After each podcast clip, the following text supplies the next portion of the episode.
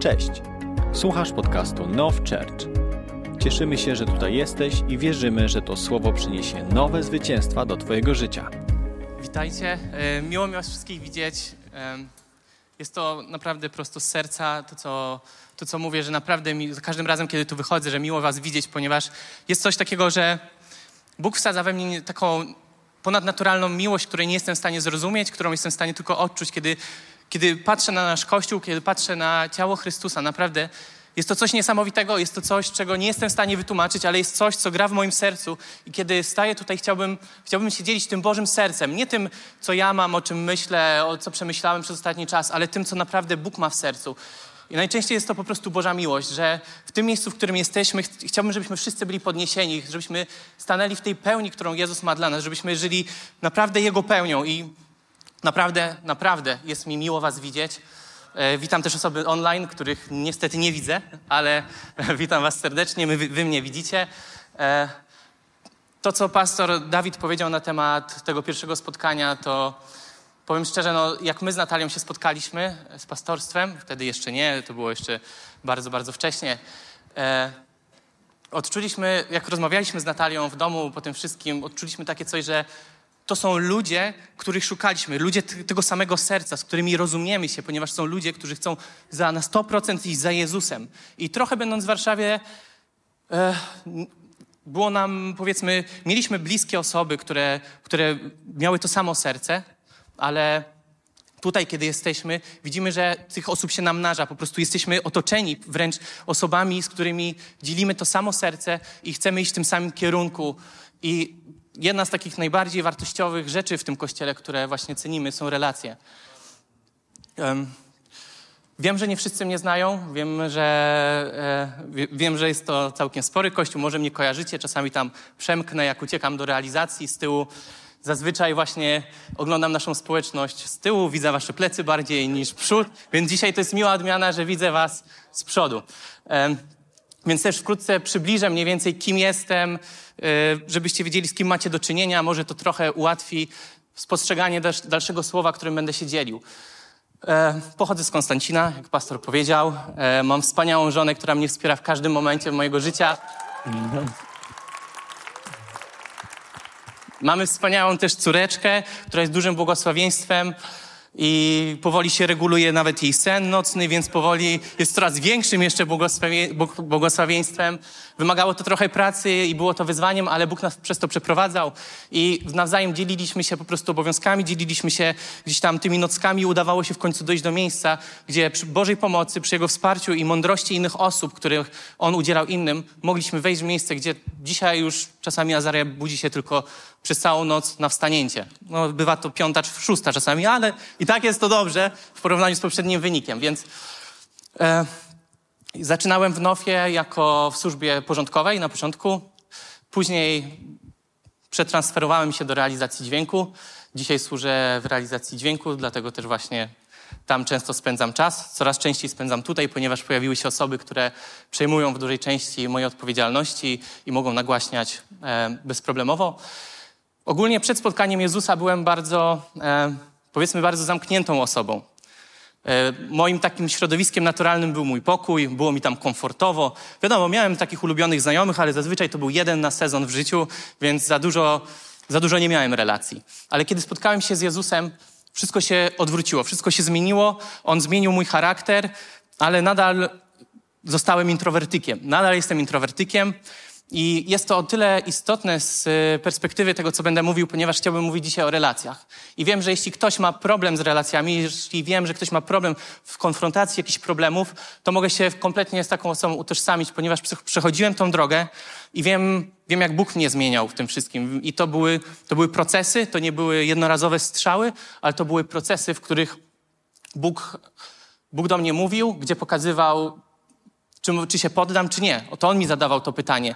To on, to on mnie wprowadzał w to. On był tym, który był przy mnie cały czas, ale to ja byłem tym, który podejmował decyzję, czy pójdę za tym, czy nie. I wierzę, że każde słowo, którym, które jest tutaj które jest tutaj mówione, które tutaj jest uwalniane, wierzę, że ma przyprowadzić nas do miejsca decyzji. Ponieważ decyzja, decyzję podejmujemy my, to my podejmujemy decyzję, czy pójdziemy za Jezusem, czy nie. On nas zaprasza. On nas zaprasza w procesy, on nas zaprasza do, do siebie, do swojej rodziny, którą jesteśmy my. I to jest nasza decyzja od początku do końca. I często u nas w domu pada zdanie, że same chęci nie wystarczą bo zawsze mówimy, ok, chciałem dobrze, ok, no chcę dobrze, ale zawsze potem pada, dobra, ale no trzeba coś z tym zrobić. Same chęci właśnie nigdy nie wystarczyło. Ostatnio chcieliśmy zaplanować urlop, ponieważ y, pastor nas zachęcał już, żebyśmy też trochę odpoczęli, y, więc stwierdziliśmy, ok, zrobimy sobie tydzień urlopu, no ale ten temat się tak przyciągał, przyciągał i w końcu rozmawialiśmy, dobra, musimy to zaplanować, bo to samo się nie wydarzy. I to łatwo w tym pędzie zgubić te momenty, kiedy podejmujemy decyzje, momenty, kiedy, kiedy to zależy od nas, bo po prostu czas mija i jeśli nie podejmiemy, podejmiemy decyzji, to będziemy w tym samym miejscu, a niestety ten pęd życia nie pomaga, żebyśmy szli dalej. Więc... E...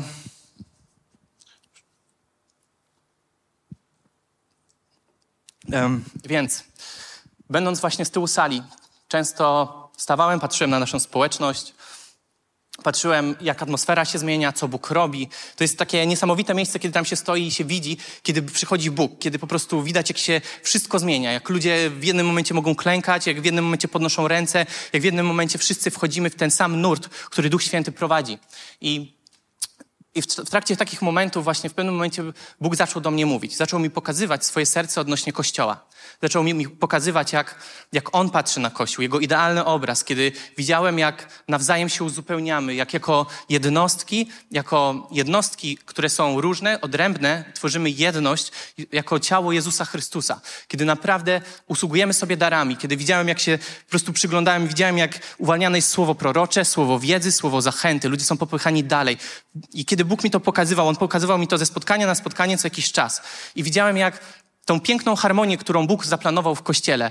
I to nie, nie przepływało przez mój umysł, przepływało to przez moje serce. I bardziej to czułem niż rozumiałem. I było to dla mnie zaskakujące, bo zazwyczaj jestem osobą właśnie taką myślącą, bardzo analizującą rzeczy. I kiedy Bóg mi to wkładał w serce, ja po prostu nie byłem w stanie nawet tego przeanalizować, bo to było po prostu harmonia, której nie jest się w stanie wytłumaczyć. Wiecie, to widziałem, jak ludzie sobie usługują fizycznie. To wszystko po prostu Bóg pokazywał, jak się uzupełniamy, że nikt z nas tu nie jest przez, przez przypadek.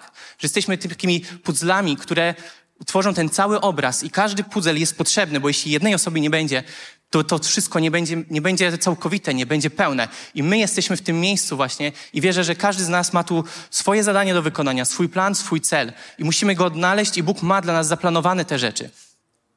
I kiedy raz było spotkanie na wschodniej, też stałem z tyłu, obserwowałem właśnie społeczność, miałem tą możliwość, ten przywilej. Widziałem, jak Bóg pokazuje mi, ok, tą różnorodność jeszcze. I pomyślałem sobie, kurczę, no ja prowadzę zespół w pracy, wiem, jak wygląda różnorodność w zespole, zazwyczaj więcej problemów niż, niż korzyści. Ludzie się nie rozumieją, same problemy zazwyczaj wynikają i trzeba jeszcze to rozwiązywać. Więc kiedy ja na to spojrzałem, moja pierwsza myśl była, ok, co, będą problemy, nie? Ale, ale spojrzałem dokładnie i, i zauważyłem znowu tą harmonię. Zauważyłem, że znowu ta różnorodność bardziej się uzupełnia niż przeszkadza sobie. To było dla mnie zaskoczeniem. I kiedy tak patrzyłem, widziałem, że Bóg chce mi coś pokazać więcej. Widziałem, że Bóg coś chce pokazać, coś, co, co, co nie gra. I widziałem, że, że ja trochę nie chciałem tego załapać, ponieważ ten idealny obraz tej harmonii, którego nawet nie rozumiałem, a bardziej czułem wewnątrz siebie, że on będzie zaburzony. I łatwiej mi było wierzyć w to, co widziałem wcześniej, w ten idealny obraz, niż w to, co, że coś nie gra. I kiedy przygotowywałem się do tego czasu, czytałem Biblię, modliłem się, Bóg zaprowadził mnie do Mateusza 5, od 43 do 48. Chciałbym, chciałbym, żebyśmy przeczytali ten werset. Jeśli macie, możecie otworzyć Biblię. Wyświetla się również e, tutaj ten werset z pisma. E, słyszeliście, iż powiedziano, będziesz miłował bliźniego swego, a będziesz miał w nienawiści nieprzyjaciela swego. A ja wam powiadam, miłujcie nieprzyjaciół waszych i módlcie się za tych, którzy was prześladują, abyście byli synami Ojca waszego, który jest w niebie. Bo słońce jego wschodzi nad złymi i dobrymi, i deszcz pada na sprawiedliwych i niesprawiedliwych. Bo jeśli byście miłowali tylko tych, którzy was miłują, jakąż macie zapłatę? Czyż i celnicy tego nie czynią? A jeśli byście pozdrawiali tylko braci waszych, cóż osobliwego czynicie? Czyż i poganie tego nie czynią? Bądźcie wy tedy doskonali, jak Ojciec wasz niebieski doskonały jest. I na początku, jak spojrzałem na ten fragment, myślałem, ok, od 43 do 47 wersety opisują jak powinniśmy się traktować, że powinniśmy miłować, no, że jeśli miłujemy siebie, co powinno być podstawą, powinniśmy miłować e, nieprzyjaciół swoich, powinniśmy ich pozdrawiać, modlić się o nich. Jeśli mamy kogoś miłować, to znaczy, że tak naprawdę mamy chcieć relacji z nim, bo jeśli kogoś miłujemy, chcemy z nim spędzać czas, chcemy z nim rozmawiać, chcemy z nim się dzielić sercem. I podsumowując, powiedzmy, tę pierwszą część, widziałem, że Bóg mi kładzie na serce, że od 43 do 47 jest mowa o relacjach, o relacjach między ludźmi. I kiedy przyszedłem do 48, Duch Święty mnie skierował na słowo doskonali. Słowo doskonali tutaj jest napisane, bądźcie wy tedy doskonali. Słowo doskonali z greki jest tutaj teleios. Jest tłumaczone, jak szukałem w innych fragmentach pisma, znalazłem, że często to, to słowo jest tłumaczone jako dojrzałość. I, I modliłem się o to, patrzyłem na to i widziałem, że Duch Święty pokazuje mi konkretnie, konkretnie temat, który, który powinienem dzisiaj poruszyć jest to dojrzałość w relacjach. Czyli podsumowując ten cały fragment, można by było powiedzieć, pierwsza część mówi o relacji, a druga część mówi, ostatni wers mówi, bądźcie wy tedy dojrzali w relacjach. Więc jeśli mamy być dojrzali w relacjach, to jest to niestety proces, jest to trudne i wymaga dojrzewania. Jest to, w 48 jest zalecenie, bądźcie. To nie jest powiedziane, miejcie relacje, a ja was, sprawię, a ja was uczynię doskonałymi, ja was uczynię dojrzałymi. Tylko jest powiedziane, bądźcie. Jest ten nacisk nałożony na nas, to my mamy o to zadbać. To jest proces dla każdego z nas i ja będąc introwertykiem wiem, że to jest proces, wiem, że to nie są pojedyncze sytuacje, wiem, że to jest po prostu cały czas zwracanie uwagi na swoje serce, jak traktujemy inne osoby, jak, jak traktujemy innych i w jaki sposób do nich podchodzimy. Będąc w małżeństwie, też wiem, że konflikty same się nie rozwiązują, bardziej się nawarstwiają niż się rozwiązują, a jako, że małżeństwo jest rodziną, a my jesteśmy rodziną, tak samo tutaj konflikty nierozwiązane będą się nawarstwiać, a nie same rozwiązywać. I wierzę, że e, wierzymy, że jesteśmy rodziną Jezusa Chrystusa, że wszyscy tutaj tworzymy jedną rodzinę, że jesteśmy braćmi, siostrami i powinniśmy patrzeć na to że jak na bliskie relacje. Wiadomo, jeśli jesteśmy, spotykamy się z kimś raz w tygodniu, to konfliktów raczej nie będzie, no bo nie ma miejscu, miejsca styku. Wiecie, spotkamy się na nabożeństwie, spędzimy ze sobą, wiecie, uwielbienie minie, słowo minie, czas znów w kafe, no to jeszcze fajnie, dobre ciasto, dobra kawa, więc czemu miałyby powstawać kłótnie? Ale kiedy naprawdę spędzamy ze sobą czas, kiedy służymy razem, kiedy spotykamy się na grupach domowych, kiedy spotykamy się po nabożeństwie, wtedy, kiedy naprawdę wnikamy w głębokie relacje, pojawiają się pojawiają się miejsca, gdzie wkrada się jakieś nieporozumienie, wkrada się jakaś kłótnia, wkrada się jakieś, jakieś sprzeczki, wiecie, ktoś się z kimś nie zgadza i to jest naturalne, to jest normalne i, i tak będzie. I kiedy chcemy temu zaprzeczyć, bo mówimy, ok, ale jesteśmy przecież e, uczniami Jezusa Chrystusa, my chcemy Go szukać na 100%, oddajemy swoje życie, jesteśmy po prostu, wiecie, idziemy, idziemy na 100% za Nim, to ja sobie właśnie tak myślałem, a może jednak powinno być tak, że te kłótnie powinny być w ogóle wyeliminowane. No i wtedy e, Duch Święty poprowadził mnie do dziejów 15, 15 rozdziału i tam Barnaba i Paweł wdali się w nieporozumienie. Oni, ludzie pełni ducha, ludzie, którzy naprawdę szukali Boga, oddali wszystko, żeby pójść za Nim, oni sami weszli w nieporozumienie. I efektem tego było to, że nie umieli się na tyle dogadać, że poszli w dwie różne strony. Więc jeśli oni, będąc w takim miejscu, byli niestety mieli tą możliwość, żeby dojść do nieporozumienia, tak samo możemy założyć, że u nas zdarzą się nieporozumienia. Wiadomo, gdybyśmy byli w idealnym stanie, nie byłoby nieporozumień, ale jednak, jednak jest tak, że nie jesteśmy jeszcze idealnymi ludźmi, nie jesteśmy jeszcze idealni w miłości. Wszyscy wzrastamy i dojrzewamy i będą się zdarzały konflikty, będą zdarzały się nieporozumienia i to od nas zależy, czy to będzie problem, czy nie. Bo problemem nie jest to, że jest konflikt. Problemem jest to, że nie umiemy sobie z nim właściwie poradzić, właściwie go wyjaśnić. Um, jakiś czas temu miałem konflikt z bliską mi osobą i znaleźliśmy się w punkcie w życiu, gdzie we dwójkę byliśmy w miejscach, gdzie nie do końca siebie rozumieliśmy. Byliśmy e, w miejscu, gdzie takie konkretne tematy poruszały jakieś trudne, trudne e, rzeczy w naszych życiach i było ciężko, ciężko to e, pogodzić.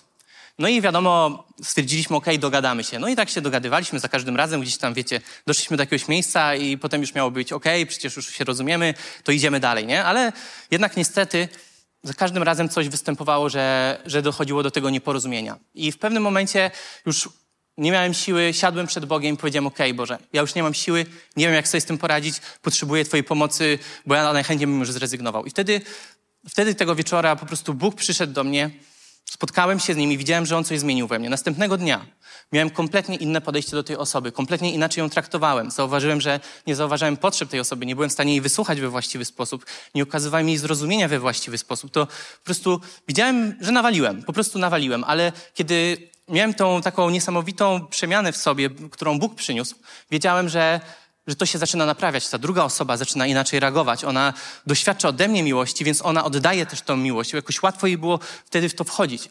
I wszystko było ok do pierwszego nieporozumienia. Wszystko było ok do momentu, kiedy przyszło, przyszła kłótnia i ok, znowu przed Boga i mówię ok, miało być ok, a ja widzę, że nie jest ok.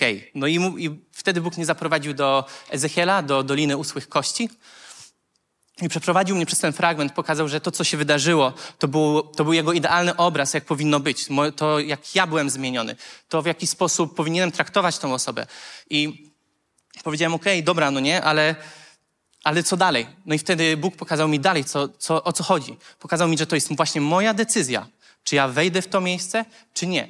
Czy ja będę się rozwijał, czy zostawię to, pójdę sobie dalej i kolejną relację będę w ten sam sposób psuł. To była moja decyzja, czy będę powielał te same problemy. I pomimo tego, że rozmawiałem z tą osobą wtedy wcześniej, pomimo tego, że próbowałem coś z siebie, wy... próbowałem to rozwiązać, to tak naprawdę problem był we mnie i to ja miałem się zmienić. To Bóg wskazywał na mnie. Niestety Często jest tak, że patrzymy na drugą osobę. Często patrzymy na drugą osobę, żalimy się, ale czy mamy na tyle pokory, żeby przyjść do Boga i powiedzieć, okej Boże, chcę usłyszeć, co ty, masz, co ty masz do powiedzenia do mojego życia, jak ja mam się zmienić, bo łatwo się mówi o drugiej osobie, łatwo się mówi, że okej, przychodzi się do Boga i mówi, okej, Y, chcę, żebyś mnie zmienił, chcę, żebyś mi pokazał, co jest nie tak. Ale kiedy siadamy, bardziej mówią nasze emocje, nasze przemyślenia, nasze, wiecie, usprawiedliwienia, niż to, co serio mówi Bóg. Czy mamy na tyle pokory, żeby naprawdę uciszyć siebie i powiedzieć, ok, mogę być winny i dopuszczam Cię, Boże, żebyś Ty pokazał te naj, nawet najbardziej bolesne miejsca, które są we mnie.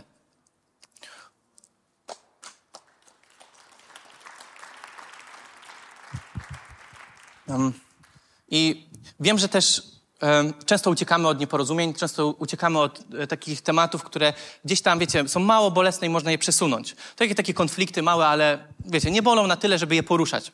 I chciałbym, żebyśmy przeszli do teraz e, do Rzymian, 12 rozdziału 9-10. Okej. Okay. Miłość niech będzie nieobłudna. Brzydźcie się złem, trzymajcie się dobrego. Miłością braterską jedni drugich miłujcie, wyprzedzajcie się wzajemnie w okazywaniu szacunku. I kiedy czytałem ten werset, zadałem sobie pytanie, tutaj oczywiście Paweł zwraca uwagę w dziesiątym wersecie na miłość braterską, na tą właśnie bliską relację, w której niestety występują jakieś nieporozumienia, ale w dziewiątym wersecie jest napisane miłość, nie, miłość niech będzie nieobłudna. I dla mnie było z założenia, okej, okay, dobra, no jeśli nieobłudna, no jeśli jesteśmy serio, chcemy iść za Jezusem, wiecie, jesteśmy Jego uczniami, no to z automatu chcemy, chcemy być szczerzy wobec drugich, chcemy serio miłować tak, jak Jezus miłował, więc dlaczego miałaby być nieobłudna? Dlaczego, dlaczego jednak mamy tego pilnować, pilnować, żeby ona była nieobłudna między nami? I wtedy kiedy się modliłem, Bóg połączył też trochę takie kropki w tym wszystkim mi w głowie i pomyślałem, okej, okay, dobra, jeśli, jeśli miłość ma być nieobłudna, to znaczy, że będąc w tych miejscach miłości, relacji z bliskimi osobami, rodziny, czy właśnie w kościele, jednak pojawia się coś takiego, że że przesuwamy te takie właśnie małe rzeczy, te, te małe nieporozumienia, które odsuwamy gdzieś na bok, bo twierdzimy, ok, to będzie ok, to nie jest tak ważne. I kiedy to odsuwamy, kiedy jednak tworzy się jakaś zadra w pewnym momencie, tworzy się coś, co zaczyna nas odpalać, kiedy w sensie odpala nas w takim sensie, że jeśli to usłyszymy jeszcze raz, jeszcze raz zostaniemy w jakiś sposób potraktowani, to jednak czujemy, że coś jest nie tak. Już nie przychodzimy do tej osoby z taką miłością, jak powinniśmy. Jednak niestety często to się zdarza też w kościele. Ja, kiedy byłem e, kiedyś w służbie i służyłem z jedną osobą, ta osoba trochę, czułem się źle potraktowany parę razy przez tą osobę, ale stwierdziłem, dobra, to jest mała rzecz, odsunę. Ale doszedłem do miejsca w życiu, kiedy przychodziłem do służby i mówiłem, ja już nie chcę służyć, bo ja po prostu nie chcę patrzeć na tą osobę, bo jestem już po prostu tak zirytowany, że ta osoba jest w stanie jako wierząca osoba mnie tak traktować, że, że wiecie, no już naprawdę to jest już ostateczność. Ale ja się doprowadziłem do tego miejsca, ponieważ nie, nie zadbałem o higienę wcześniej. Nie zadbałem o to, żeby to nieporozumienie rozwiązać. I niestety często jest tak, że, że odsuwamy, bo na początku coś się wydaje małe, ale kiedy to urasta, to niszczy nasze życie, to niszczy nas. jest trudne. I dlatego powinniśmy się uczyć rozmawiać o konfliktach, powinniśmy uczyć się rozmawiać o nieporozumieniach. Zazwyczaj wynika to z tego, że się po prostu nie rozumiemy, że ktoś chciał dobrze, a jednak wyszło trochę inaczej i wystarczy proste przepraszam, żeby niektóre tematy załatwić. Konflikty trochę są większym problemem, dlatego ja uważam, że często na początku ważne jest, żebyśmy przyszli do Boga, żebyśmy Go właśnie zapytali z pokorą i zapytali, co jest we mnie do zmiany, a nie co jest do zmiany w drugiej osobie. Ale jeśli są to małe rzeczy, jeśli widzisz, że ktoś może na przykład nie rozumie, że zostałeś urażony, to warto po prostu przyjść, porozmawiać i wyjaśnić sprawę. Kiedy e, wiem, jak jest w małżeństwie z konfliktami, jest to, nie, jest to długa droga często, bo jest, pochodzimy z różnych domów. Ja z Natalią pochodzimy raczej z takich bardziej niestandardowych domów i nasze światopoglądy, tematy na różne rzeczy trochę się różniły i kiedy zaczęliśmy już mieszkać pod jednym dachem po ślubie, e, zaczęły wychodzić jakieś tematy i na początku nie umieliśmy rozmawiać o konfliktach, nie, nie umieliśmy rozmawiać między sobą, co jest nie tak, jak to rozwiązać. Ale kiedy z czasem zaczęliśmy rozmawiać, zauważać jakieś rzeczy, na przykład kiedy zaczęliśmy zauważyć, że kiedy druga osoba powie, ty zawsze to robisz, ty za, nigdy tego nie robisz, to wiedzieliśmy, ok, to odpala drugą osobę, więc już nie będziemy w to wchodzić, okasujemy słowa zawsze, nigdy. Nie mówimy tego. I i wiecie, krok po kroczku uczymy się, jak radzić sobie z konfliktami. Uczymy się, że, że kiedy rozmawiamy o tym, nie rozmawiamy o drugiej osobie, co jest nie tak, ale rozmawiamy o rzeczy, która jest przed nami, o rzeczy, którą trzeba załatwić, którą da, jesteśmy w stanie z, z dobrymi chęciami dogadać się i pozmieniać, jeśli mamy chęć zmiany siebie. Przepraszam, że tyle piję, ale... E, Zasycha mi bardzo w gardle trochę. E, ten, spacery e, na mrozie nie posłużyły. I tak, więc e, przechodząc dalej, chciałbym jeszcze nawiązać do tej pokory. Jednym miejscem jest to, że przychodzimy do Boga z pokorą i jesteśmy w stanie usłyszeć to, co On chce powiedzieć do naszego życia. Ale drugim miejscem, gdzie ważna jest pokora, jest to, czy dopuszczamy innych ludzi do siebie. Czy mamy autorytety, które mogą do nas mówić? Czy mamy bliskich przyjaciół, którzy są w stanie do nas mówić? Osoby, które nie boją się powiedzieć, hej, to było nie tak w twoim życiu, to było nie tak, jak coś zrobiłeś. I o takie osoby chodzi. Nie osoby, które zawsze będą nam przytakiwać, ale takie osoby, które będą mogły szczerze do nas powiedzieć coś.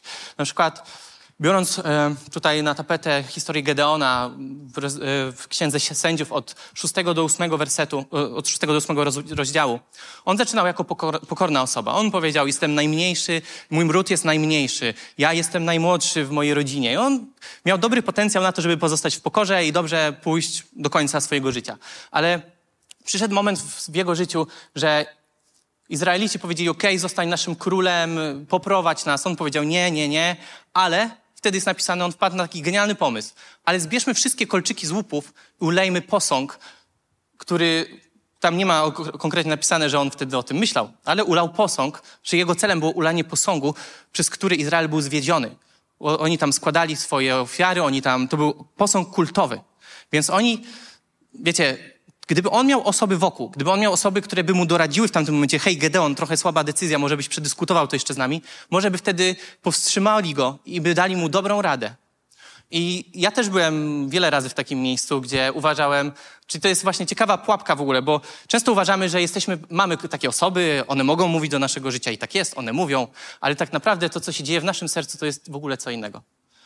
Często stawałem w miejscu, kiedyś wyszedłem na ewangelizację z moim liderem i chwilę po nawróceniu i poszliśmy na ewangelizację, wróciliśmy i rozmawialiśmy i ten lider zwrócił uwagę, że nie do końca się zgadzał z jedną rzeczą, którą zrobiłem. No i ja tak, wiecie, no tak myślę, no porozmawiam z nim, może, może jednak go przekonam, no nie, no i rozmowa, no nie, on nadal przy swoim zdaniu, no i mówię, no dobra, no może ma rację, ale bardziej powiedziałem ma rację słowami niż sercem.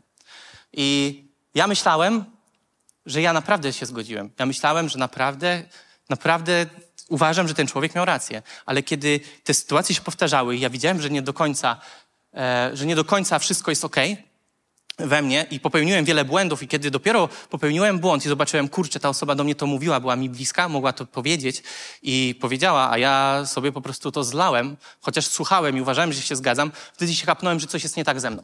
Wtedy zauważyłem, że już nie chcę tylko przytakiwać, już nie chcę tylko mówić, że, że tak jest. Już chciałem wiedzieć, że serio w moim sercu mówię, ok, ta osoba ma rację i chcę to wziąć. I kiedy teraz, ja się nauczyłem na bardzo bolesnych przy, przy, przy, przypadkach w moim życiu i dzisiaj wiem, że już tych błędów nie popełniam, chociażby tak mi się wydaje, wierzę w to w pełni.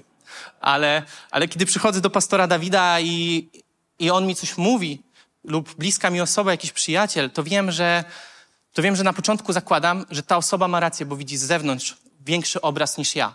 I wtedy biorę to pod uwagę, rozważam, myślę o tym i dopiero wtedy, kiedy to rozważę, przychodzę do osoby i mówię, ok, czy na pewno jest tak, tak i tak, bo, bo ja jak widzę, widzę to trochę inaczej i czy jesteś w stanie mi to wytłumaczyć, bo chcę to w pełni zrozumieć. Nie przychodzę z pozycji, wiesz co, nie do końca się zgadzam, więc po, powiedz mi, bo tak naprawdę może posłucham i może się zgodzę, może nie.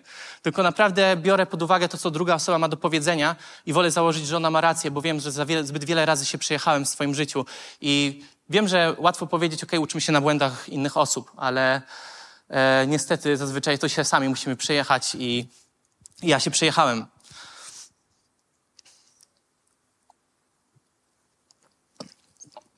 Idąc dalej, chciałbym mówić na temat, chciałbym ruszyć temat niezrozumienia w Kościele.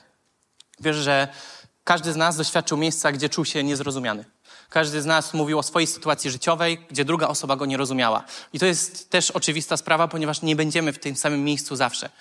Ja nie będę nigdy w trakcie ciąży, w trakcie porodu, ja nie będę e, samotną matką, więc na pewno nikogo nie zrozumiem w takim miejscu, ale mogę okazać wsparcie i mogę, mogę schylić się nad tą sprawą. Kiedy Jezus poszedł do odgrodu Getsemane i wziął trzech uczniów, żeby się po prostu modlili z Nim, oni zasnęli. Sam Jezus mógł się czuć niezrozumiany. On do nich przychodził i mówił, hej, nie śpijcie. No, ale oni i tak zasnęli. Więc on się na nich nie wkurzył. On nie powiedział, ciepłe kluchy, wstawajcie, ile mam do was gadać non-stop, tylko nie rozumiecie, nic nie wiecie. Tylko on po prostu poszedł, obudził ich, powiedział, no i poszedł dalej się modlić. I kiedy, e, kiedy kolejny raz na przykład zapowiadał, że będzie musiał umrzeć, że będzie, będzie cierpiał, że zmartwychwstanie, e, chciałbym, żebyśmy tutaj właśnie otworzyli Marka, rozdział 9, od wersetu 31 do 32. Pouczał bowiem uczniów swoich i mówił im, Syn człowieczy będzie wydany w ręce ludzkie i zabiją go, ale zabity po trzech dniach zmartwychwstanie. Oni jednak nie rozumieli tego słowa, a bali się go zapytać. Czyli w tym momencie, kiedy Jezus im mówi o swoim cierpieniu, mówi im o swoim życiu, mówi o największych rzeczach, które przyjdą do Niego, największych po prostu trudnościach, oni nie rozumieją i stwierdzają, dobra, nie zapytamy, bo się boimy. Jak wiele razy my stajemy w miejscu, że rozmawiamy z kimś i ktoś nawet nie ciągnie tematu, mówimy mu o czymś trudnym, ciężkim i no zero odpowiedzi. Ja będąc w miejscu, dawno to, co pastor Dawid dzisiaj mówił na temat uwolnienia z depresji, że, że to powinno odejść, Y, jest to u nas ostatnio czasami poruszany temat w trakcie kazań. Uważam, że to jest ważne, ponieważ ja sam doświadczyłem kiedyś uwolnienia z depresji. Doświadczyłem tego miejsca, ale kiedy próbowałem porozmawiać o tym, no zero zrozumienia. To są rzeczy, których, które nie każdy przechodzi i nie każdy zrozumie, ponieważ są to takie rzadziej zdarzane się rzeczy w społeczeństwie, ale kiedy opowiadasz to jednej osobie, drugiej osobie, wiem, co to znaczy być w miejscu tego niezrozumienia, kiedy ktoś ci mówi, okej, okay, pomódl się, okej, okay, dobra, będzie dobrze, nie bądź smutas, jazda z tematem i tyle, nie? No i wiem, wiem jak, co to znaczy być w tym miejscu, ale czy jesteśmy na tyle zdesperowani, żeby szukać Bożego rozwiązania, żeby szukać tego w, w Kościele, ponieważ mamy, jesteśmy, naprawdę jest to duże bogactwo, że mamy relacje tutaj. Jeśli dobrze o nie zadbamy, będziemy wzrastać i będą nam pomagały, żeby stawać się bardziej dojrzalszymi, przechodzić problemy. I nie możemy się zamykać w, w danym miejscu i powiedzieć, ok, jestem taki niezrozumiany, już się zamknę na wszystkich. Ja wiem, że to boli, wiem, że to nie jest łatwe, ale nie możemy pozostawać w tym miejscu. Jezus, kiedy mówił swoim uczniom, że będzie właśnie cierpiał, że, będzie, że umrze i zmartwychwstanie, On nie powiedział mi tego raz. On nie powiedział mi tego dwa razy. On mówił, ponieważ, ponieważ wiedział, że oni muszą to usłyszeć. On wiedział, że, że oni powinni to usłyszeć i powinni to zrozumieć w pewnym momencie. I my tak samo powinniśmy się nie zamykać. Jeśli Jezus tak robił, pomimo mówienia o wiele gorszych rzeczach niż my przeżywamy, my też nie powinniśmy się zamykać i przestawać mówić o niektórych tematach, tylko po prostu szukać dalej zrozumienia. Z drugiej strony można było powiedzieć, ok, no ale ta druga osoba powinna być empatyczna, w końcu jesteśmy w kościele, powinniśmy dbać o siebie nawzajem, mój koordynator powinien mnie zrozumieć, no dlaczego, dlaczego akurat mówi inaczej niż mi się wydaje. No i No i wiecie, no, przerzucać odpowiedzialność to zawsze można. Zawsze to jest proste, zdejmuje z nas odpowiedzialność, zdejmuje z nas jakikolwiek, wiecie, takie miejsce, że musimy się zmienić, że coś będzie niekomfortowego, no bo przecież w miejscach dyskomfortu najbardziej się zmieniamy, no to przecież nie chcemy tam być. No to oczywiste, no bo, no bo komu się chce zmienić robotę, kiedy w jednej jest ciepło? Komu się chce powiedzieć słowo prorocze, którego nie, może nie do końca jesteśmy pewni, jeszcze jesteśmy introwertykami i nie chce nam się otwierać ust do drugiej osoby. Nie chce się, ale wtedy tylko, kiedy podejmiemy decyzję, wyjdziemy ze strefy komfortu, weźmiemy odpowiedzialność za nasze życie, wtedy jesteśmy w stanie się zmieniać. I wierzę, że tutaj, okay, to prawda, powinniśmy być empatyczni, ale zawsze powinniśmy patrzeć na siebie. W pierwszej kolejności patrzymy na siebie i dopiero potem możemy rozmawiać o danej sprawie, bo może wystarczy właśnie spojrzeć na siebie, żeby to nas zmieniło. I na przykład, e, kiedy ja przychodzę do Tymka, e, przychodzę do Tymka z jakimiś rzeczami, które są we mnie, rozmawiam sobie z nim, dzielę się swoim sercem, on nie zawsze jest w tym miejscu, w którym ja jestem. Ja rok temu nie byłem w miejscu, kiedy miałem dziecko. Tymek może teraz w tym miejscu nie jest. Może ja nie byłem w małżeństwie 6 lat temu, a Tymek e, nie był dwa lata temu czy rok. Ale kiedy zawsze rozmawiałem z nim, czułem zrozumienie. Czułem, może nawet wiedziałem, że on nie jest w tym miejscu, ale ja powiem wam szczerze, czułem jakbym kompletnie był zrozumiany i wsparty. On zawsze umiał mnie wesprzeć we właściwy sposób. Zawsze umiał ze mną pogadać. Zawsze umiał po prostu ma niesamowite serce, takie właśnie duszpasterskie, które które kiedy rozmawiasz, no po prostu jest ci, jest ci ciepło na sercu. No po prostu wiesz, że to jest ktoś, kto cię zrozumie, jest ktoś, kto cię wesprze. I wiem, że... I to, to jest ta jedna z tych relacji, które mam w tym kościele, które bardzo cenię, które zmieniły moje życie, które mnie roz, która mnie też rozpala i, i mogę więcej, i po prostu jestem inny, która mnie zmienia. To jest ta relacja, jedna z tych relacji w tym kościele. I wracając jeszcze do Marka 9:32, jest napisane, oni jednak nie rozumieli tego słowa, a bali się go pytać. My tak często nie pytamy, po prostu. Ktoś do nas przychodzi z problemem, a my po prostu nie zapytamy, bo nie rozumiemy, bo trochę nam może nie wypada. No ale jeśli przychodzi ktoś do nas i mówi o trudnych rzeczach dla niego, to czy, czy takie trudne jest po prostu go zapytać? Czy wiem, że to jest wyjście czasami spoza strefy komfortu. Czasami może nie wiemy, jak zapytać, ale to pokazuje, że wykazujemy zainteresowanie, że chcemy spojrzeć na to, co, co dana osoba przeżywa, chcemy ją wesprzeć. Mamy w końcu Boga, który jest w stanie wlać w nas swoją miłość do drugiej osoby i czasami okazanie miłości, okazanie współczucia, okazanie swoje, tego serca Bożego drugiej osobie wystarcza. Nie musimy zawsze rozumieć wszystkiego idealnie. Kiedy na przykład Jezus e, właśnie jednym z razów, kiedy dzielił się tym, co, co go czeka, Piotr kompletnie odleciał. On wziął Jezusa na bok i powiedział: Nie spotka cię to, no co ty mówisz? Przestań tak mówić, no przecież to jest, tak być nie może. No on patrzył przez swój pryzmat. Jak często my patrzymy na, przez swój pryzmat na inne osoby, kiedy ktoś przeżywa jakieś trudności, mówimy mu: Okej, okay, dobra, będzie dobrze, no przecież masz wielkiego Boga, no pójdziesz dalej, będzie dobrze. Ale ta osoba nie potrzebuje usłyszeć, że ma wielkiego Boga, bo ona zna Biblię, ona wie, że ma wielkiego Boga, ale ona potrzebuje wsparcia od drugiej osoby. I Piotr mógł spojrzeć Bożymi oczami, mógł wesprzeć Jezusa, ale poszedł za swoim patrzeniem. My tak często właśnie niestety patrzymy swoimi oczami. Nie, nie zatrzymujemy się, bo jesteśmy w pędzie, bo, bo tak łatwo jesteśmy mm, zaszufladkować dane problemy, bo przecież my to przeszliśmy, my to widzieliśmy, przecież co to jest za problem. No, I jesteśmy różni. Niektórzy potrzebują innego wsparcia, niektórzy potrzebują innych rzeczy niż my. I po prostu czasami potrzebują się wygadać. I warto się zatrzymać, nie zdeptać nikogo w tym pędzie, który mamy po prostu okazać miłość i pokazać Boże serce drugiej osobie. Przechodząc dalej, chciałbym, żebyśmy otworzyli e, pierwszy Tymoteusza, pierwszy rozdział od 3 do 6.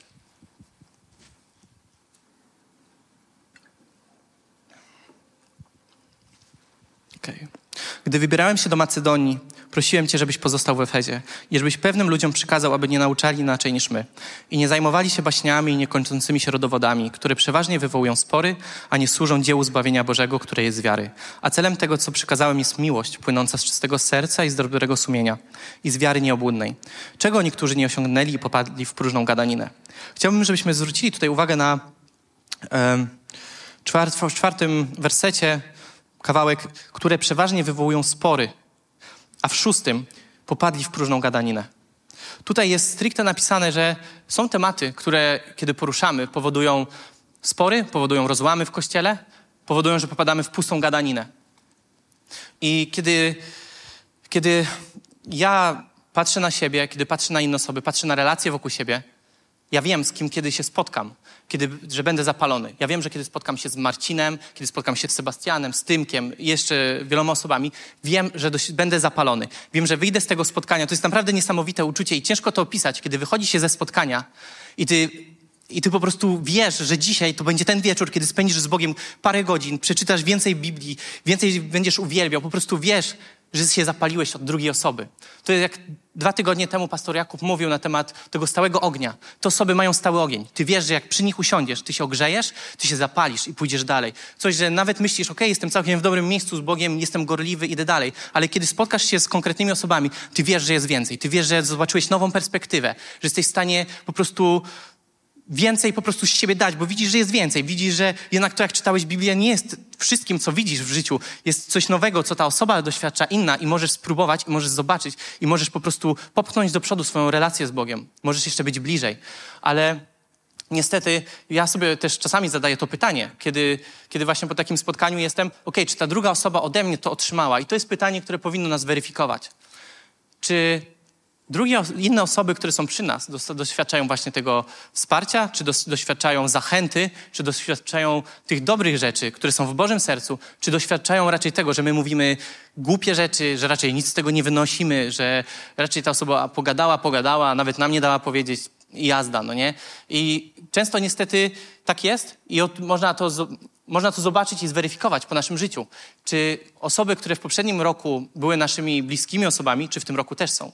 Czy jednak zmieniły sobie gdzieś towarzystwo, bo stwierdziły, ok, tutaj raczej nie jest mi komfortowo, nie czuję się, żeby ta osoba mnie zachęcała do Jezusa, czuję się po prostu, gdzie codziennie jak z nią gadam, czuję się po prostu negatywnie nastawiony do wszystkiego, że nie mam ochoty, wiecie, niczego robić, bo tak naprawdę ten pesymizm, która ta osoba wkłada, jest trudny dla nas. No i Niestety, jeśli spojrzymy na relacje, czy mamy stałe relacje, które się budują i wzrastają, czy mamy relacje, które wymieniamy co jakiś czas i nie wiemy dlaczego.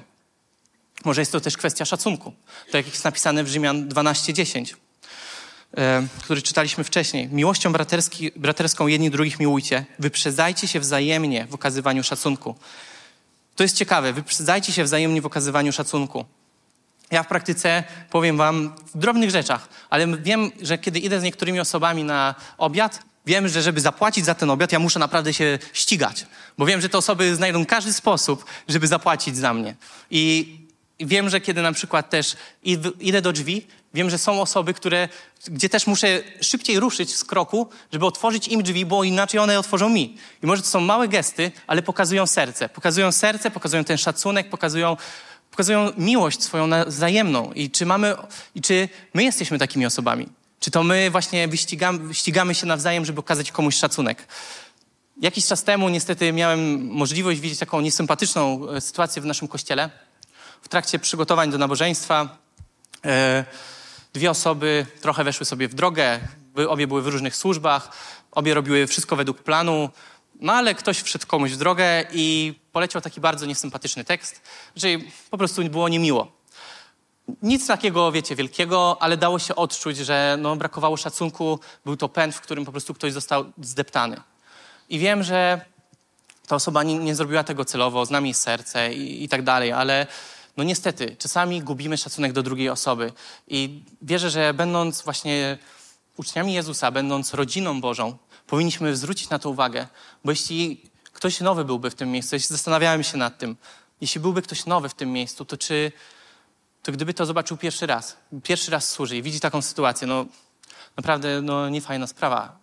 I nie chcielibyśmy, żeby nowe osoby oglądały takie rzeczy. Więc dlaczego często pozwalamy sobie na to? I ja wiem, że to jest normalne, wiem, że to się będzie zdarzało, ale po takiej sytuacji warto pójść, powiedzieć, hej, no przepraszam cię, no nie chciałem, ale jeśli nawet ta osoba tego nie zauważy, to może warto pójść do takiej osoby, jeśli widziałeś to i powiedzieć, Wiesz co, wydaje mi się, że tutaj może ta osoba trochę poczuła się urażona, bo miałem, mam wrażenie, tak delikatnie zacząć. Wiecie, to też trzeba mieć wyczucie w relacjach. Nie od razu można powiedzieć komuś prosto w oczy, jeśli nie znasz tej osoby. Trzeba być bardzo delikatnym, bo relacje są trudne, relacje są delikatne. Często jesteśmy zranieni, zamykamy się i niestety zostajemy w miejscu, gdzie, z którego potem trudno wyjść, ponieważ wszystko wygląda ok, ale kiedy jesteśmy zamknięci, nie zawsze jest nam, nie zawsze jest to łatwo zauważyć, bo każdy myśli, ok, no to jest taka po prostu sympatyczna osoba, ale nagle się okazuje, że z nikim nie wchodzi w głębie. a może się okazało, że ona została zraniona, zraniona wiele razy i potrzebuje po prostu miłości, potrzebuje tego dotyku Bożego. Więc kiedy widzimy takie sytuacje, powinniśmy po prostu patrzeć na swoje serce, powinniśmy zwracać uwagę, czy, czy kiedy pędzimy gdzieś, kiedy właśnie jest duży pęd u nas w kościele, wiadomo, jest szybko często i kiedy się służy parę razy w tygodniu, ciężko jest za każdym razem, wiecie, być sympatycznym, wyspanym i, i, nie wiadomo co. No, przychodzimy często niewyspani, często przychodzimy w złym humorze też, bo powiedzmy coś, się, coś nie dzieje się tak, jak powinno. I po prostu w takich momentach może warto, żebyśmy zapalili sobie kontrolkę w głowie. Hej, dzisiaj muszę po prostu zwrócić szczególną uwagę na to, co się dzieje wewnątrz mnie. I zmierzając już ku końcowi, chciałbym powiedzieć, że to prawda, można by było powiedzieć, przecież mam relację z Bogiem, przecież to, to w tej relacji z Bogiem dojrzewam. Kiedy przychodzę do Niego, kiedy spędzam z Nim te godziny, mam nadzieję godziny i po prostu, wiecie, gdzie tam dojrzewamy z Nim, kiedy On pokazuje nam swoje pismo, objawia i tak dalej, i tak dalej. Ale patrząc na przysłów 27-17, Bóg mam wrażenie, że inaczej to zaprojektował. Żelazo ostrzy się żelazem, a zachowanie swojego bliźniego wygładza człowiek. I Jesteśmy zaprojektowani w ten sposób, jako Boża rodzina, gdzie możemy być blisko, gdzie możemy blisko ze sobą przebywać, gdzie możemy razem służyć, gdzie możemy szukać razem Boga, ale musimy wiedzieć, że ta druga osoba, która może czasami jest trudna dla nas, może jest po to, żebyśmy byli bardziej wygładzeni, żebyśmy byli jeszcze bardziej idealni, bardziej przygotowani, przygotowani jako oblubienica Jezusa. I jest to właśnie nasza odpowiedzialność, czy pójdziemy za tym, czy nie. Czy te konflikty, które mamy w życiu, one się pojawiają w każdej dalszej relacji, którą mamy, czy to są rzeczy, które załatwiamy. Czy staramy się okazać wszystkim zrozumienie wokół nas, czy zatrzymujemy się dla tej jednej osoby, która mówi tą trudną rzecz, a ty akurat chcesz iść na obiad po kościele, czy zastanowisz się, że okej, okay, chcę jej wysłuchać, a nie szybko uciekać, czy okaże jej Boże serce, czy nie. Czy może zamknęliśmy się, ponieważ doświadczyliśmy tyle zranienia w naszym życiu, że ciężko nam się kolejny raz otworzyć. I nie mówię, że te rzeczy są proste. I wiem, że nie są proste. Może czasami nie, nie uszanowaliśmy kogoś, może, może w tym pędzie kogoś zdeptaliśmy. I może warto po prostu spojrzeć, że mamy do tego tendencję i zacząć pracować nad tym. Może powinniśmy zauważyć, co mówimy, co z naszych ust wychodzi. Czy to są słowa zachęty, słowa pokrzepienia, słowa, które budują relacje innych osób z Bogiem? Czy to są słowa, które dzielą, które powodują spory i wymieniamy relacje po prostu, bo nikt z nami nie jest w stanie wytrzymać? Są trudne pytania, a jeszcze trudniejsze są procesy, w które trzeba wejść, kiedy się zidentyfikuje ten problem. I wiem o tym, tak jak mówiłem na początku, raczej nie byłem królem relacji w życiu. Dopiero kiedy Jezus mnie dotknął, wiem, że trochę się pozmieniało i wyszedłem do ludzi i mam więcej przyjaciół niż jednego w trakcie sezonu mojego życiu, ale, ale wiem, że jest niesamowita, bog, niesamowite bogactwo relacji. To jest coś, czego nie jestem w stanie wytłumaczyć, bo wiecie, kiedy naprawdę się spędza ten czas z tymi ludźmi, się chce z nimi spotkać, kiedy wiecie, wracasz do domu, jesteś zajechany jak 150, dziecko płacze, jest imprezka, kupa śmierdzi tego dziecka, nie masz ochoty tego dotknąć, ale chcesz odciążyć żonę, wtedy jest ciężko, ale kiedy mówisz sobie, okay, przyjdzie godzina 20, a Zaria zaśnie, będzie okay, będzie naprawdę super. Ale przychodzi ten moment, okay, a może to jest ten jeden wieczór, kiedy nie mam żadnych spotkań i mogę wyjść, spotkać się z kimś znajomym.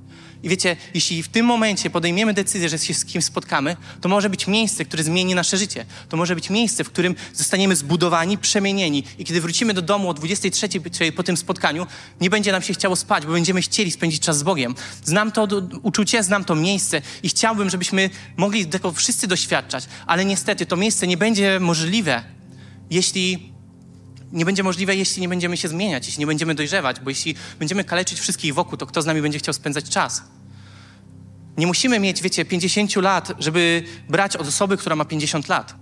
Nie musimy, wiecie, przechodzić tej całej drogi. Możemy w tym bogactwie Kościoła brać jeszcze więcej niż my przeżyliśmy. Możemy brać doświadczenie innych osób. To jest wszystko zawarte w relacjach. Bóg to zaplanował. Może Bóg chce cię ukształtować przez jakąś osobę, ale przez to, że nie dopuszczasz innych, nie masz przestrzeni na to, żeby Bóg do ciebie mówił. Bóg mówi w czasie, kiedy z Nim spędzamy czas. I, i wi wiadomo, no, On nas kształtuje. To z Nim w, re w relacji naj najbardziej dojrzewamy. Ale jednak jest ten model, który jest przedstawiony w, przy, w Księdze Przysłów, E, że, że jednak Bóg zaplanował, żebyśmy nawzajem na siebie wpływali, żebyśmy nawzajem się zmieniali. I to jest naprawdę, to jest coś, czego nie da się wytłumaczyć, bo albo to się czuje sercem, albo nie. I chciałbym, żebyśmy to czuli, chciałbym, chciałbym żebyśmy brali odpowiedzialność za to, bo jest przed nami ogromne wyzwanie. Września, przełom września i października, this is our time, będzie ewangelizacja. Będzie ogromne żniwo. Będą ludzie się nawracać. Będziemy doświadczać niesamowitej Bożej chwały. Będziemy widzieć, kiedy żniwo jest zbierane. Ale czy w naszym miejscu, w naszym kościele będzie, będzie to miejsce, do którego Jezus będzie mówił: OK, to jest mój nowy członek rodziny. Ja chcę, żeby on przyszedł do Now Church w danym momencie, bo są osoby, które okażą mu serce. Są osoby, które nie będą wprowadzały kwasu do jego życia, które, które nie będą powodowały kolejnych konfliktów, problemów, gdzie ta osoba wejdzie i powie: OK, im głębiej wchodzę do kościoła, im głębiej wchodzę w relacje, tym bardziej widzę, że to jest dojrzałość, tym bardziej widzę, że moje potknięcia są, są, są bardziej mm, akceptowane i popychane do przodu, żeby było inaczej, niż wytykane i pokazywane, że OK, znowu to zrobiłeś, dlaczego to zrobiłeś i wytykane palcami. Będzie to miejsce, gdzie ludzie będą się czuć komfortowo i będą mogli wzrastać w relacjach, a nie tylko widzieć, że jest, gdzie, gdzie nie spojrzą, to jest ukryty kwas, tu ktoś nie chce z kimś gadać, tu ktoś nie chce na kogoś spojrzeć, tu w ogóle służby się ze sobą nie dogadują. Czy chcemy tworzyć taki dom, czy nie? Wiecie, jak byłem młody, chodziło się czasami do kolegów pograć na komputerze i i właśnie były domy, kiedy się wchodziło i wiecie, mama przywitała ciastkiem, usiadło się z tatą kolegi, się zamieniło parę słów, poszło się pograć na komputerze, mama przyniosła jeszcze coś do picia, no wiecie, no po prostu sielanka, nie chciało się tam przychodzić, ale kiedy były domy, do których się przychodziło i po prostu jedyne, co się słyszało, to kłótnie między rodzicami, tam się nie chciało wchodzić. Nawet ten komputer nie przyciągał. Tu nic, po prostu nie było jednej rzeczy, która sprawiała, że chciało się tam wchodzić. Wychodziło się z tego domu, ponieważ fajniej było sobie postać na mrozie i pogadać, niż nawet z tymi ludźmi w domu tam spędzić czas. I wierzę, że to jest nasz wybór, jaki dom będziemy tworzyć. To jest nasza odpowiedzialność. Czy czy jeśli będziemy zapraszać nowe osoby, to będą tu chętnie spędzały czas, pójdą sobie na czas relacji po nabo, pójdą, wypiją kawkę, herbatkę i po prostu będzie, będzie to, to prawdziwa rodzina, którą, która będzie ciepła, która będzie, która będzie po prostu sprawiała wrażenie, że chce się wracać każdego dnia. Kiedy będzie chciało się służyć, przychodzić do służby, bo, bo będą osoby, które dbają o nas. I często mówimy, że właśnie żniwo jest wielkie, ale robotników mało. Tak jest napisane. Ale chodzi o to, że tak często mówimy, że, że jesteśmy gotowi, że chcemy wielkiego żniwa, że jesteśmy gotowymi robotnikami. Ale czy Jezus ma przyprowadzić osoby do kościoła, w którym jeszcze bardziej się zarażą? Czy przyjdą osoby i powiedzą, nie chcę być takim, nie chcę być w takim kościele, nie chcę znać takiego Jezusa, bo to jest normalnie jakaś parodia tego. Jest mówione o miłości, On jest miłością, a tutaj jest kłótnia na kłótni. I wiadomo, kłótnie będą i to normalne, że są, ale czy czy te kłótnie to jest, tak, jest codzienna normalność, które są nierozwiązywane i stare tematy zostają z nami? Czy jednak to jest to, że widzimy, że to się zmienia, że idziemy do przodu? I chciałbym, żebyś, nie chciałbym robić wyzwania, chciałbym, żebyśmy po prostu schylili głowy, pomodlili się, żebyśmy oddali ten czas Bogu, żeby Duch Święty mógł do nas mówić, do naszego serca, żebyśmy byli żebyśmy byli nastawieni na to, że On będzie mówił, żebyśmy stanęli w miejscu pokory i usłyszeli to, co serio Duch Święty chce powiedzieć. Nie to, co my mamy w swojej głowie, nie to, co my chcemy, wiecie, powiedzieć, okej, okay, to jest, ja znam swój problem, Boże, proszę Cię, zajmij się tym. Tylko posłuchajmy tego, co naprawdę On ma do przekazania nam w tym, w tym czasie. I... Mm, okej. Okay.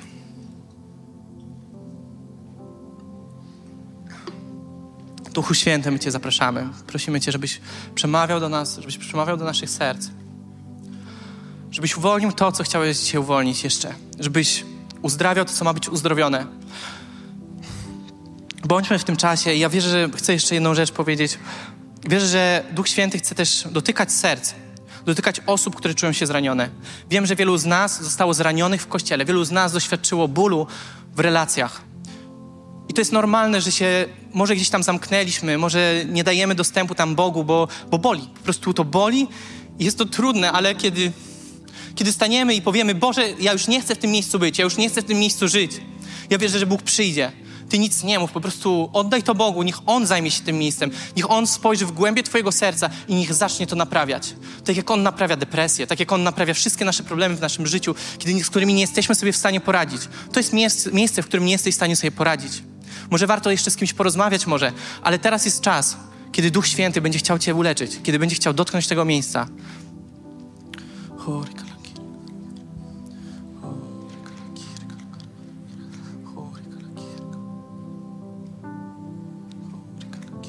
Niech to też będzie miejsce decyzji, że będziemy wzrastać. Niech to nie będzie tylko chęć, ale niech to będzie decyzja, że to, co Duch Święty pokaże, my pójdziemy za tym.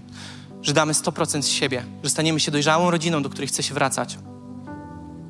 Duch Święty, my naprawdę chcemy się zmieniać. My naprawdę, my naprawdę chcemy i chcemy podejmować akcje, żeby to nie były już tylko słowa.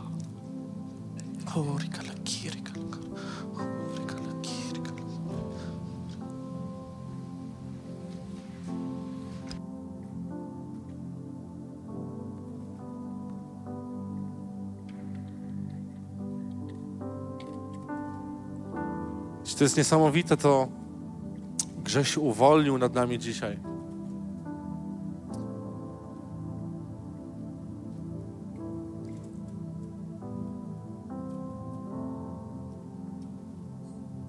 Jaki kościół chcesz dzisiaj budować? Wiecie, kościoła nie buduje się ze sceny. Kościoła nie buduje pastor, lider, ale to my wszyscy razem budujemy.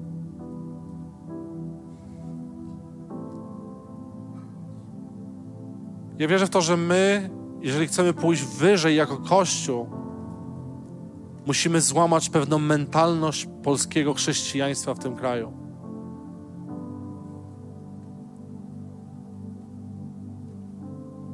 Dziewięćdziesiąt procent ludzi, którzy opuszczają Kościół, to jest właśnie z powodu nieporozumienia, z powodu zranienia w relacjach.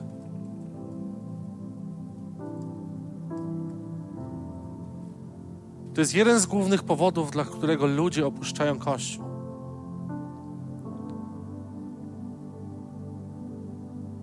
Jaki Kościół dzisiaj budujemy?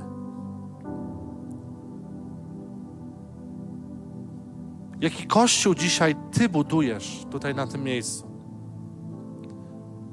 Wiecie, ten tydzień był tygodniem wyzwań dla mnie osobiście i dla mojej rodziny. Wiecie, miałem drobny wypadek samochodowy, gdzie auto troszeczkę uszkodziłem. Wczoraj też próbowaliśmy wrócić, bo byliśmy na parę dni u rodziców e, Noemi w Norwegii. I wiecie, i nagle wczoraj wszystko zawaliło się totalnie. Prawie ledwo wylądowaliśmy w Polsce. Tak naprawdę dzisiaj o 5 rano przyjechaliśmy do domu. I wiecie, i kiedy jechałem autem do kościoła, i kiedy otworzyłem drzwi i wiecie, zobaczyłem pierwszą osobę, to była Julia. Wiecie, i pierwszą rzecz, którą zobaczyłem u niej, to był niesamowity uśmiech. I wiecie, i, i nagle w jednej sekundzie wszystko się zmieniło. Później zrobiłem dwa, trzy kroki dalej.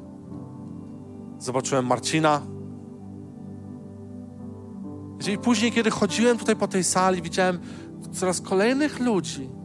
Wiecie, i za każdym razem, kiedy witałem się, rozmawiałem z nimi, coś się rodziło we mnie. Wiecie, zadaj sobie pytanie. Kiedy ty wchodzisz do kościoła tutaj i widzisz jakąś osobę, co się rodzi w tobie? Jakie emocje, jakie uczucia? Może jesteś już w miejscu, gdzie po prostu tak jak Grzesiu mówił o tym, że po prostu widzisz osobę, że po prostu masz chęć rzucenia wszystkiego i zrezygnowania i powiedzenia, nie, ja wiedziałem, to jednak nie jest Kościół dla mnie.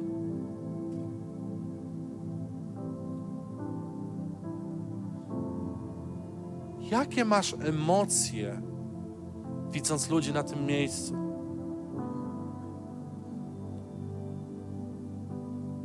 Ciekawe jest to i naprawdę niesamowitą prawdę Grzesiu powiedział, wszystko zaczyna się ode mnie. Zaskoczę Was. Chrześcijaństwo to nie tylko modlenie się i przebywanie w komorze. Bo niestety tacy ludzie, którzy tylko w komorze spędzają czas, są najbardziej dziwnymi ludźmi, którzy są odszczeleni i nie mają w ogóle styczności ze światem. I próbujesz rozmawiać z nim o kwiatkach, a on ci wyjeżdża o czymkolwiek innym.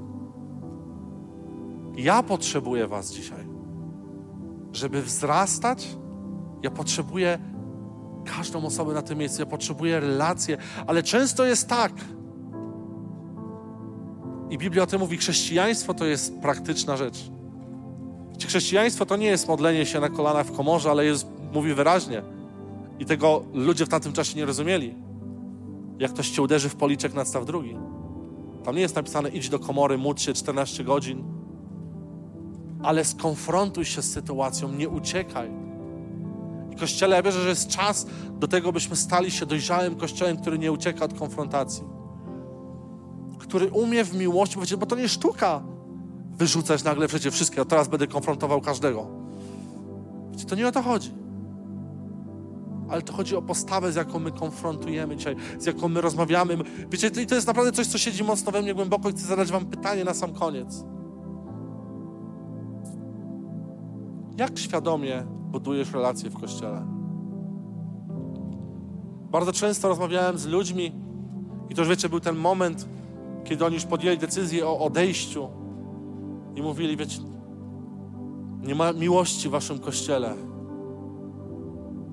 Nikt nie podszedł do mnie.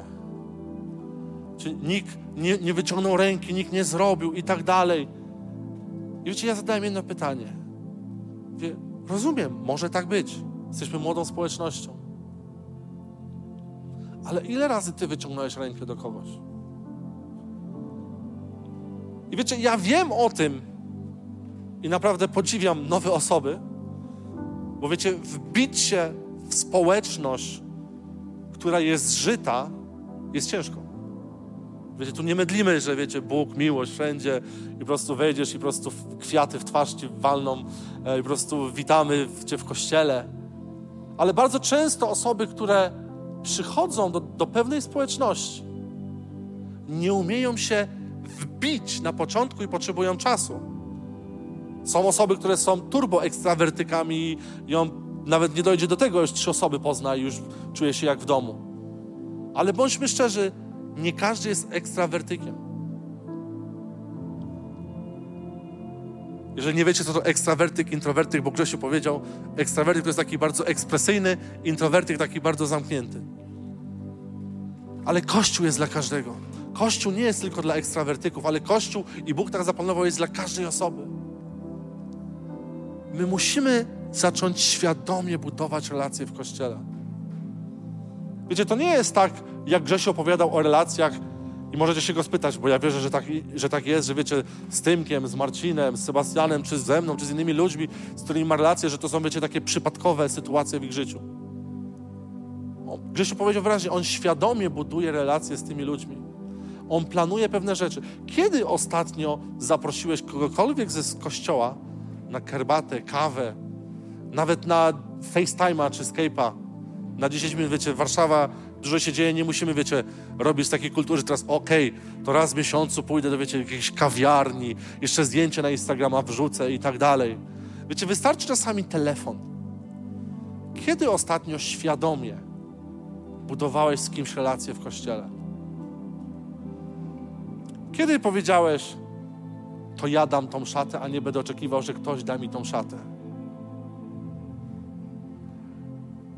Ja wierzę, że Bóg odnawia pewne DNA w tym miejscu. DNA dostrzegania pojedynczych osób. DNA wyciągania ludzi, którzy stoją i nie umieją się odnaleźć. Wiecie, niedawno byliśmy z pastorem Jakubem, Robinem, Michałem w Stanach Zjednoczonych. I akurat była ciekawa sytuacja, bo byliśmy w dwóch kościołach. Nie będę mówił w jakich. Ale w pewnym kościele Wiecie, stanąłem w holu, bo ja bardzo lubię prowokować czasami sytuacje.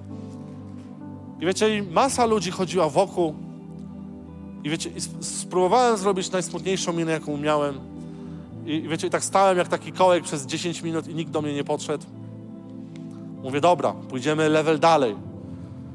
I nagle, wiecie, powiedziałem na głos tak, ale mi się życie wali, nie wiem co zrobić. I wiecie, i smutne było, że nikt do mnie nie podszedł. Ale mówię, dobra, idźmy level dalej. Usiadłem, w rzędzie siedziała mnie jakaś osoba, wiecie, i przez pięć minut cisza. Mówię, no dobrze, to będę tym ekstrawertykiem. Zadałem pytanie, cześć, jak tam u ciebie? O, dobrze, dobrze, dobrze, dobrze, wiecie, i próbowałem coś powiedzieć, ale wiecie, to było takie, jak się czujesz? I wiecie, nawet nie oczekuję odpowiedzi, chociaż to jest trochę kultura taka w Stanach, ale wiecie, co u ciebie? Tylko proszę nie powiedz, że coś źle. I tak to trochę wyglądało. Mówię, no dobra. Później byłem w drugim kościele. Wiecie, usiadłem za filarem na samym tyle. I co ciekawe, nim się nabożeństwo rozpoczęło, trzy osoby do mnie podeszły. I ja mówię, wow, jak ja bym chciał być w takim kościele. Że wiecie, to było naturalne, to nie było tak, że SMS-a, hej, słuchajcie, czwarty rząd, tam chyba jakiś nowy jest, podbijajcie. I nagle wiecie, okej, okay, hej, hej, widzę, że tak, czwarty rząd, tak, okej, okay, co tam u ciebie?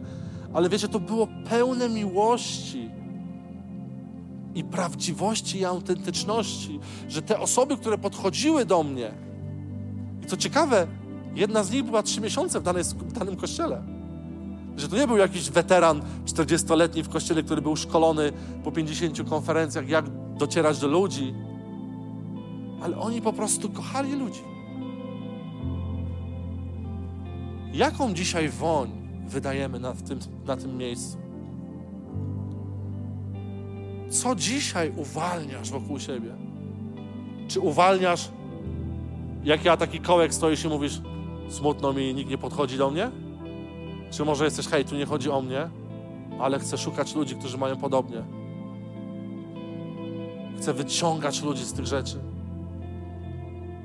Chcę wyciągać ludzi, którzy nie umieją się odnaleźć, bo naprawdę czasami potrzeba kogoś, kto nas za rękę poprowadzi i powie: Hej, poznaj, to jest Tymek, autopromocja. Wszyscy wysłuchani są zawsze, jak do niego idą, także polecam. Ale może jest osoba, która potrzebuje poznać właściwą osobę w tym miejscu. Może rozmawiając z nią nagle poczujesz, kurczę, no może niech ona z Marcinem porozmawia. Albo z, z Tomkiem, z kimkolwiek. Bo na przykład ty nie masz połączenia z tą osobą, próbujesz, ale nie idzie ci. Po prostu jak księżyc i słońce. Ale może ta osoba ma księżyc tutaj, z którym się porozumie, zrozumieją się. Wiecie, nie bójmy się naprawdę rozmawiać z ludźmi, rozmawiać ze sobą, budować relacje, łączyć. Wiecie, ja uwielbiam oglądać czasami wasze Instastory, bo wiecie, naprawdę to jest niesamowite, kiedy widzę nagle, że ktoś rzuca zdjęcie i tam jest, wiecie, 10 osób i ja mówię, Boże, każdy z innej planety, ale po prostu są gdzieś razem na obiedzie i widzę, że naprawdę tam mają dobry czas. I uwielbiam to, że powoli nam się zmienia mentalność tutaj i zaczynamy naprawdę już nie tylko mówić, że jesteśmy jak rodzina, ale zachowywać się jak rodzina. Także Kościele, wierzę, że zostaliśmy zachęceni do tego. Możemy, w, po, w sensie po przerwie, e, po nabożeństwie podejść do Grzesia, powiedzieć mu prawdę, nie, nie, nie cukrujmy, ale wiecie, jak naprawdę dotknęło Cię słowo, podziękuj mu, bo wiecie, jest pewien ciężar, który nosi każda osoba, która staje na tym miejscu. Że to nie chodzi o to, o ciężar przygotowania słowa, bo, bo to każdy potrafi. 10 wersetów, jakoś mądrze są nawet szkoły na YouTubie, jak to zrobić. Trochę historia ze starego, z nowego, połącz to, wniosek, podsumowanie, rozwinięcie, zakończenie. Ale ja mówię o ciężarze odpowiedzialności, przyniesienia słowa od Boga w odpowiednim momencie, w odpowiednim czasie. I to jest ten ciężar, który każda osoba wie, że na tym miejscu stoi, która mówi do nas, przemawia, ona niesie ten ciężar, że to nie chce, żeby było jakieś kazanie, bo wiecie, kazań mamy masę na YouTubie. Ale to chodzi o to, co stoi za tym słowem, jak Duch Święty w odpowiednim momencie, wiecie, to jest czas odpowiedni dla Kościoła na skonfrontowanie się w temacie relacji. Wiecie, niech to nie będzie tylko słowo, ale pójdźmy za tym. Odpowiedzmy w sposób praktyczny i fizyczny na to, konfrontując się w miłości i budując relacje. Amen? Amen, Kościół. Dziękujemy, że byłeś z nami. Jeśli chcesz dowiedzieć się więcej o naszych działaniach lub nas wesprzeć, zapraszamy Cię na www.nationsonfire.org ukośnik nowchurch.